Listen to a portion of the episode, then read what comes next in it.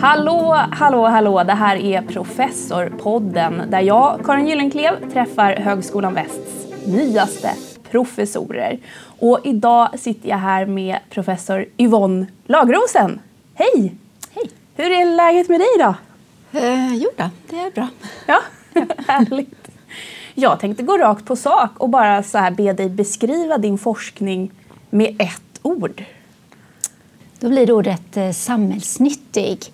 Eh, för att jag forskar i ledarskap, vad som behövs eh, och eh, medarbetarskap, vilka verktyg och metoder som, som eh, behövs för att medarbetarna ska må bra och det ska gå bra för organisationerna och därmed så blir det en samhällsnytta.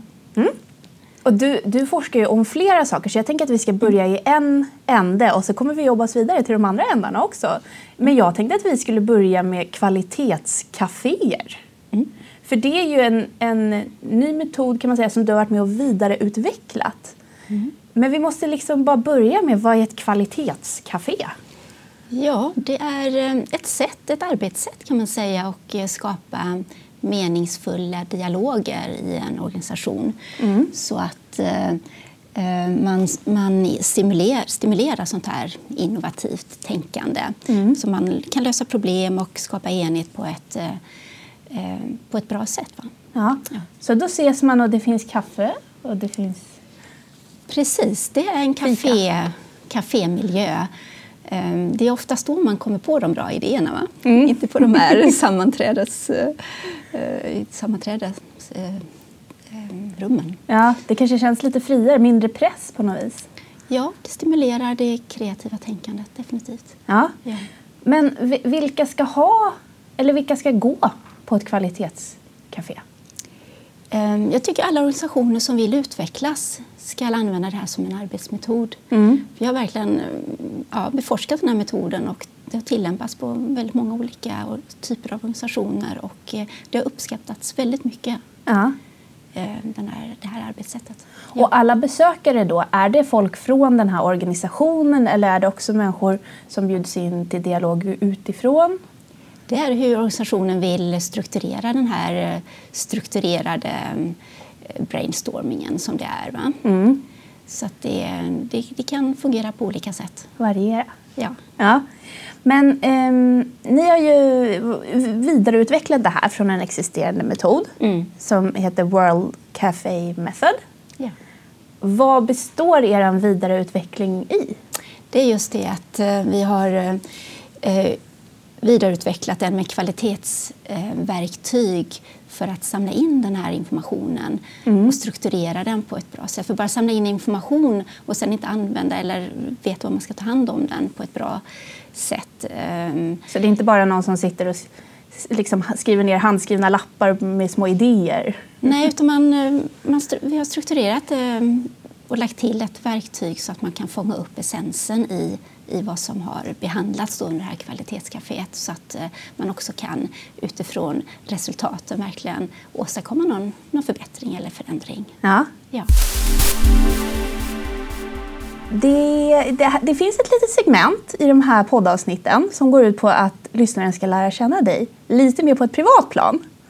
Ehm, och då ska du alltså avsluta mina meningar. Eh, känns det okej? Ja.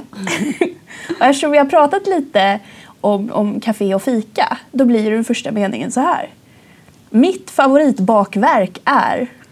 Eh, Det är något med, eh, jag tycker mycket om nötter, med hasselnötter eller kokos och någon nyttig variant av ett bakverk. Ja. Sen spelar det ingen roll vad det är för något.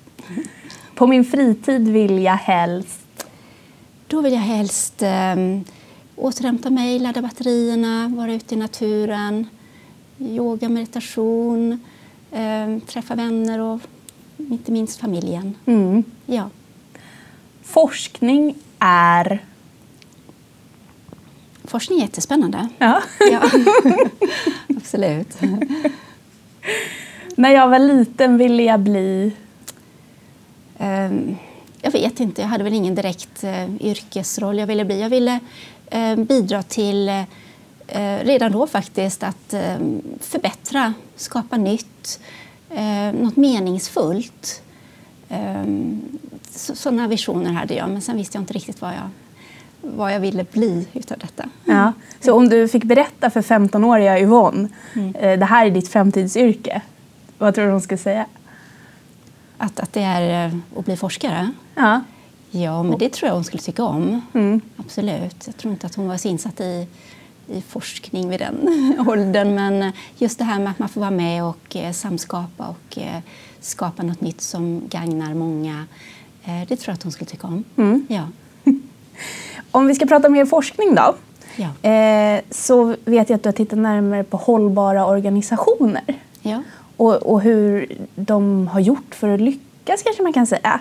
Mm. Vad, är, vad är det för organisationer som du har spanat in?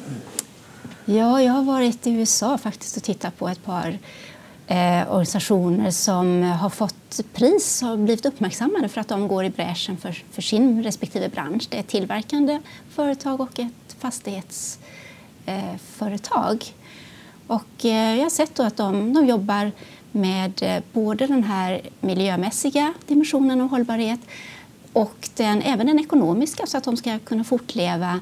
Och de inkluderar framförallt den sociala dimensionen, människan i, i sitt eh, arbete. Då. Ja. ja. Men min, vi har pratat lite tidigare och då sa du att någon av dem gjorde liksom som stora, eh, inte fönster, men bilder eh, i tak. Eller vad var det? Kan du inte berätta? Det lät så... Ja, nej, men det är en illusion av eh, eh, illusion av naturen. Ja. Det är ett eh, företag som heter Sky Factory och eh, de, eh, de har som vision att eh, på engelska då en, enrich and sustain life. Mm. Så de vill berika instängda miljöer som inte naturligt har en, en vacker ut, som man kan titta ut på något vackert. Då. Mm. Så skapa de här, såna här stora fönster då med natur himmel och, och, och, träd som rör sig och så vidare. Mm. För att eh, skapa en illusion av att man är ute i naturen och gör det på ett väldigt eh, målmedvetet sätt så att de jo jobbar,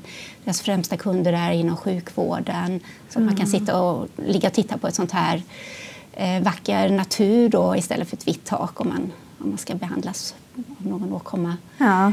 Så det har eh, har varit väldigt effektivt och beforskat också att det triggar en sån här naturlig avslappningsrespons som finns hos oss. Ja. Och därmed så underlättas ju naturligtvis allting hos patienten. Mm. Det kanske skulle behövas här där vi är nu för vi är omgivna bara av svarta draperier. man skulle ha någon... Ja, det vore inte helt fel. någon liten view. Mm. Men vad var, ehm, vad var liksom sambandet då mellan de som hade lyckats lyckats? Eller vad var det som, som gjorde att de var liksom Att de var hållbara? De har ju lyckats då med att och, eh, blivit erkända för sitt hållbarhetsarbete.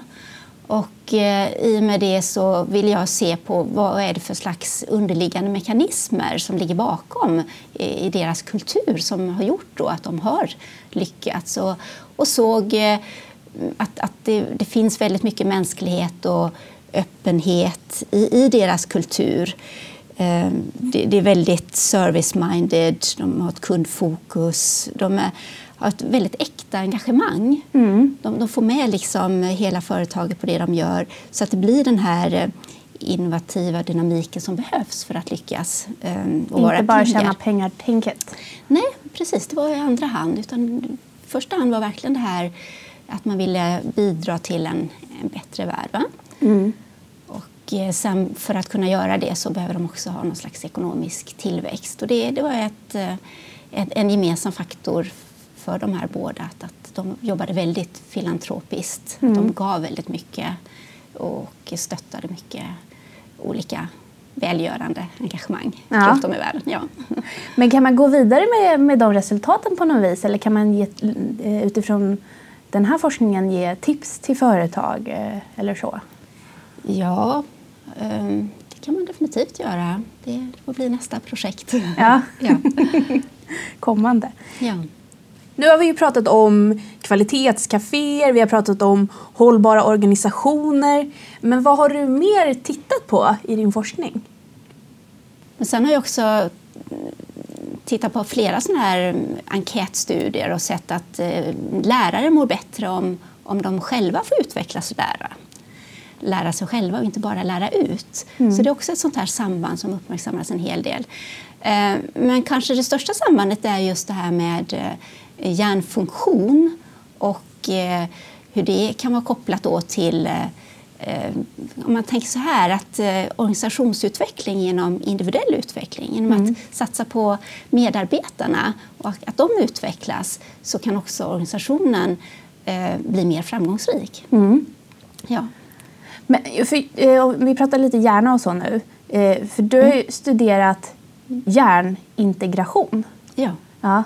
Det tror inte jag att eh, alla kanske har koll på vad det är. Nej, precis. Jag ska försöka förklara här. Att det, det handlar egentligen om, jag har samverkat då, jag har jobbat tvärvetenskapligt med hjärnforskare och det handlar om en eh, Hjärnintegration handlar bara om en, en koherent hjärnfunktion, en samordnad hjärnfunktion, att det finns kopplingar.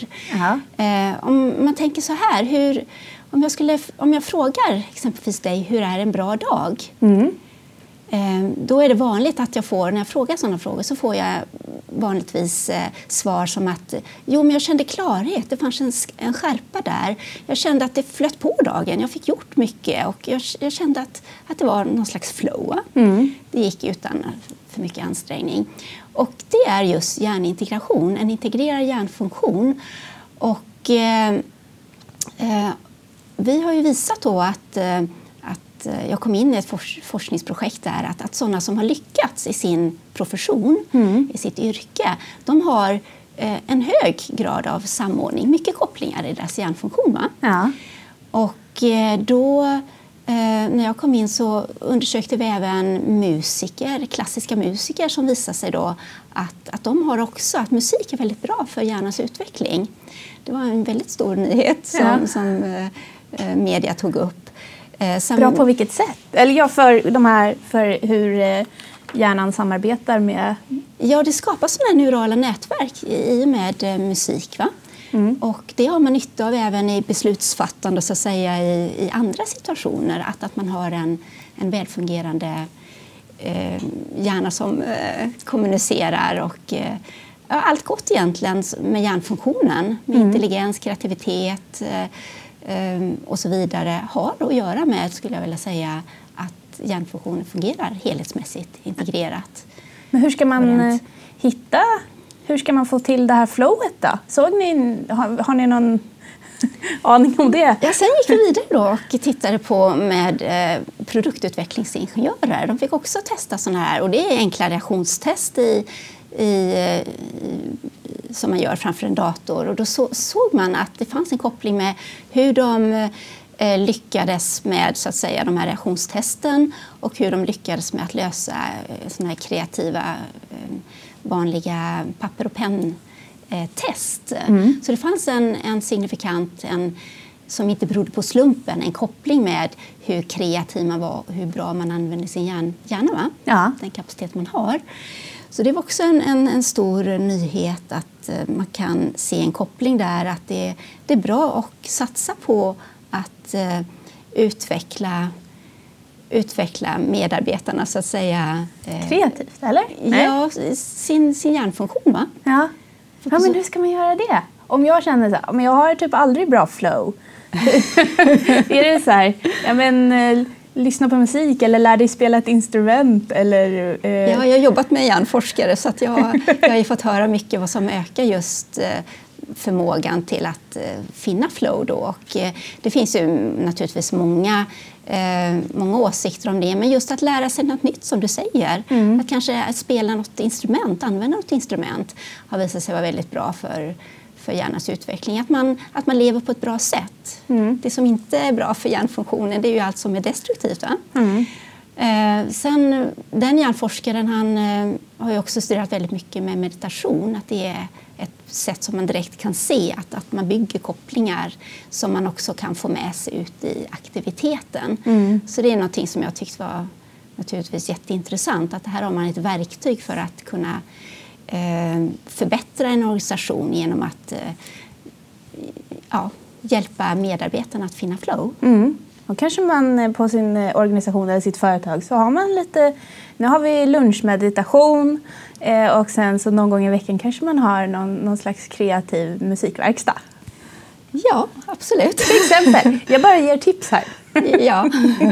Jag har även nu faktiskt beforskat lite grann utbildningssystem så man systematiserar den här Eh, förmågan då att finna flow och eh, hur bra det är för för de studenterna och deras akademiska eh, resultat och också att det blir bättre så att säga, stämning och eleverna blir mer fokuserade och, och vill lära sig. Man ökar helt enkelt elevernas förmåga till att lära. Och det tycker jag också är väldigt banbrytande, att man, man inte bara ger mycket information utan man också hjälper studenterna att kunna hantera all den här informationen genom att mm. de ökar sin mottaglighet för lärande. Och det tror jag verkligen är eh, framtidens eh, eh, grej va? Och, och, föra in i skolor att, att även hjälpa studenterna, eleverna till eh, ökad förmåga. Mm. Det är ett nytt, nytt tänk i någon bemärkelse. Inte bara proppa med kunskap utan också ge verktyg för också att... expandera, så att säga. Man ser eh, förmågan som en container, inte bara fylla den utan också expandera den så att den naturligt kan, kan eh, ja, skapa betydligt mer spännande saker. Mm. Ja. Avslutningsvis eh, så tänkte jag att jag skulle fråga dig, vad är det som driver dig? Driver mig att forska? Ja, mm. det är verkligen att jag jag vill eh, bidra till en bättre värld. Mm. Och jag ser det, om man skapar hållbara organisationer där medarbetarna mår bra så blir det också en eh, naturligt för att individen är ju världens minsta beståndsdel. Om man skapar det på den nivån så tror jag verkligen att man kan skapa en bättre värld. Och eh, det vill jag jättegärna bidra till. Mm. Det låter som en jättebra plan. Ja. ja. Tusen tack för det här samtalet. Mm. Varsågod.